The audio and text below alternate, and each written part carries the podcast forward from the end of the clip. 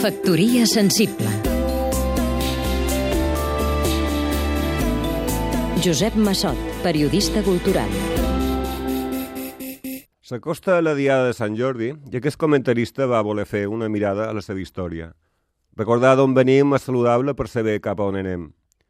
Eh, revisant a la meroteca les 86 edicions passades, en trec algunes reflexions. Primer, la dictadura ara no és política, sinó de les llistes dels més venuts, una moda molt recent i que converteix el lector en un consumidor induït i la diada en un gran hipermercat cultural, com si ja no tinguessin criteri propi per triar la diversitat. Segon, al noms dels més venuts dels últims 15 anys és difícil trobar un autor que perduri a la història de la literatura, és a dir, que consumim cada vegada més llibres efímers. I tercer, que es desmenteix el tòpic que no s'ha de tocar allò que funciona. L'èxit de la Diada ve de, de les adaptacions fetes a cada època.